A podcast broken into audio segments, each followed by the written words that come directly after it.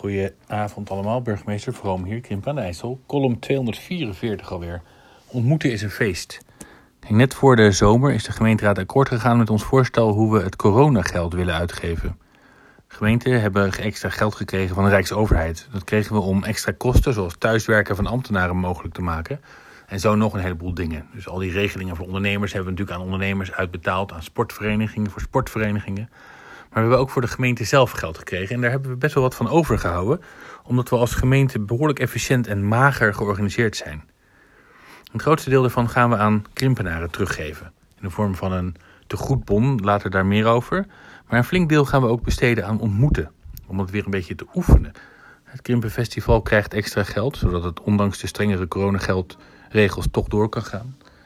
We krijgen sportvereniging nog weer huurcompensatie. En alle Krimpense scholen, basisscholen, middelbare scholen, krijgen een flink bedrag om na de zomervakantie een welkom terugfeest te organiseren. Gewoon omdat het een feest is om elkaar weer te zien na al die corona-ellende. Natuurlijk, de regels blijven nog even in stand. De besmettingen zijn nog niet weg, de sterfgevallen ook niet, de, de IC-opnames ook niet, maar we mogen elkaar weer echt gaan ontmoeten. En daar dragen we als gemeente heel graag aan bij.